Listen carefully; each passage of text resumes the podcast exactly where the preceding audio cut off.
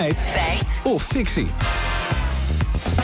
Lieke over immigranten in de Verenigde Staten. Klopt, want gisteren was Donald Trump, ondanks zijn afwezigheid, het grote onderwerp tijdens het tv-debat met zeven andere Republikeinse presidentskandidaten.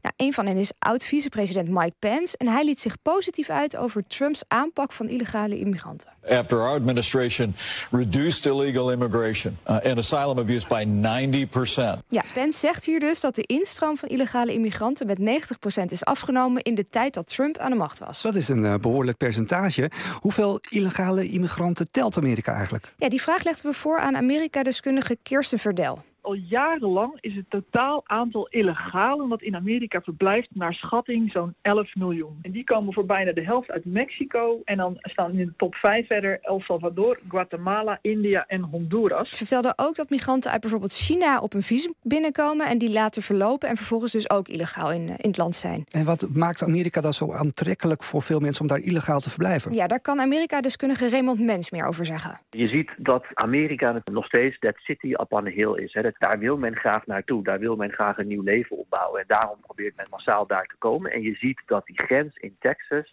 eigenlijk overlopen wordt. Dat men niet genoeg mankracht heeft om dat goed uh, aan uh, te kunnen. Oké, okay, niet genoeg mankracht dus. Uh, hoe groot is die instroom aan de grens? Ja, dat weet Amerika-deskundige Willem Post. Als je kijkt naar de jaarlijkse oversteek, zijn dat er al zo'n 500 à 600.000. Die via allerlei mensensmokkelaars, bendes, die ze moeten betalen, over de grens heen komen. Dus dat zijn natuurlijk wel kolossale aantallen nog steeds. Ja, nu komen daar natuurlijk ook de verkiezingen eraan. Hoe belangrijk is dit onderwerp voor de Amerikanen? Die vraag stelden we aan Raymond Mens. De Riekelen aan de grens met Mexico zijn eigenlijk al 30 jaar lang een hot politiek thema. Maar je ziet dat die jaar in, jaar uit steeds groter wordt, dat thema. En met name door Trump, hè, die natuurlijk heeft gezegd... we gaan een muur uh, bouwen, thema bij de Republikeinse Partij. En Mike Pence uh, deed deze uitspraak tijdens een Republikeins presidentsdebat. En daar probeert iedereen natuurlijk Trump van het podium te stoten. En daarom proberen het allemaal hard uit de hoek te komen op dit onderwerp. Maar het is ook een onderwerp waar veel Republikeinse kiezers zich zorgen over maken. Oké, okay, maar goed. Is de illegale immigratie daadwerkelijk met